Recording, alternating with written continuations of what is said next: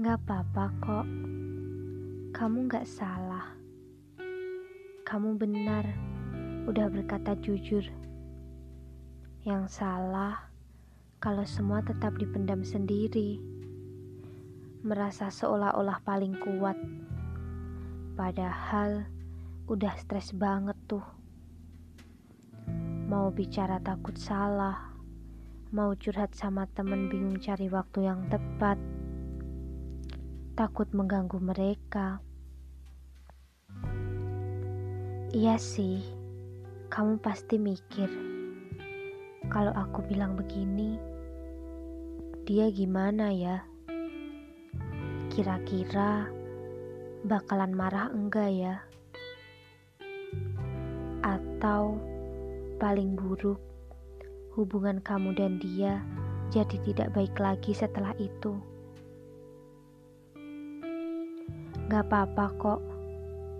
Lebih baik bilang aja. Tapi semua memang ada konsekuensinya. Dan kamu harus siap.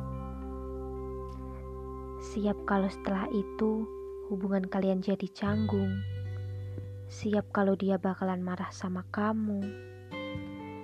Siap kalau dia bakalan sakit hati, kecewa, tidak terima. Dan kamu harus yakin dia bakalan baik-baik saja. Cuma butuh waktu untuk menerima. Biarkan dia sendiri dulu. Biarkan dia merenungi kesalahannya. Dan kamu hebat. Berani mengalahkan egomu. Kamu lelah marah kepada keadaan. Kamu berpikir, kenapa harus aku yang menerimanya? Anggap ini pelajaran menuju dewasa, karena dunia lebih kejam daripada itu. Ikhlaskan saja, berdamai dengan dirimu, dan semoga hubungan kalian menjadi lebih baik setelah itu.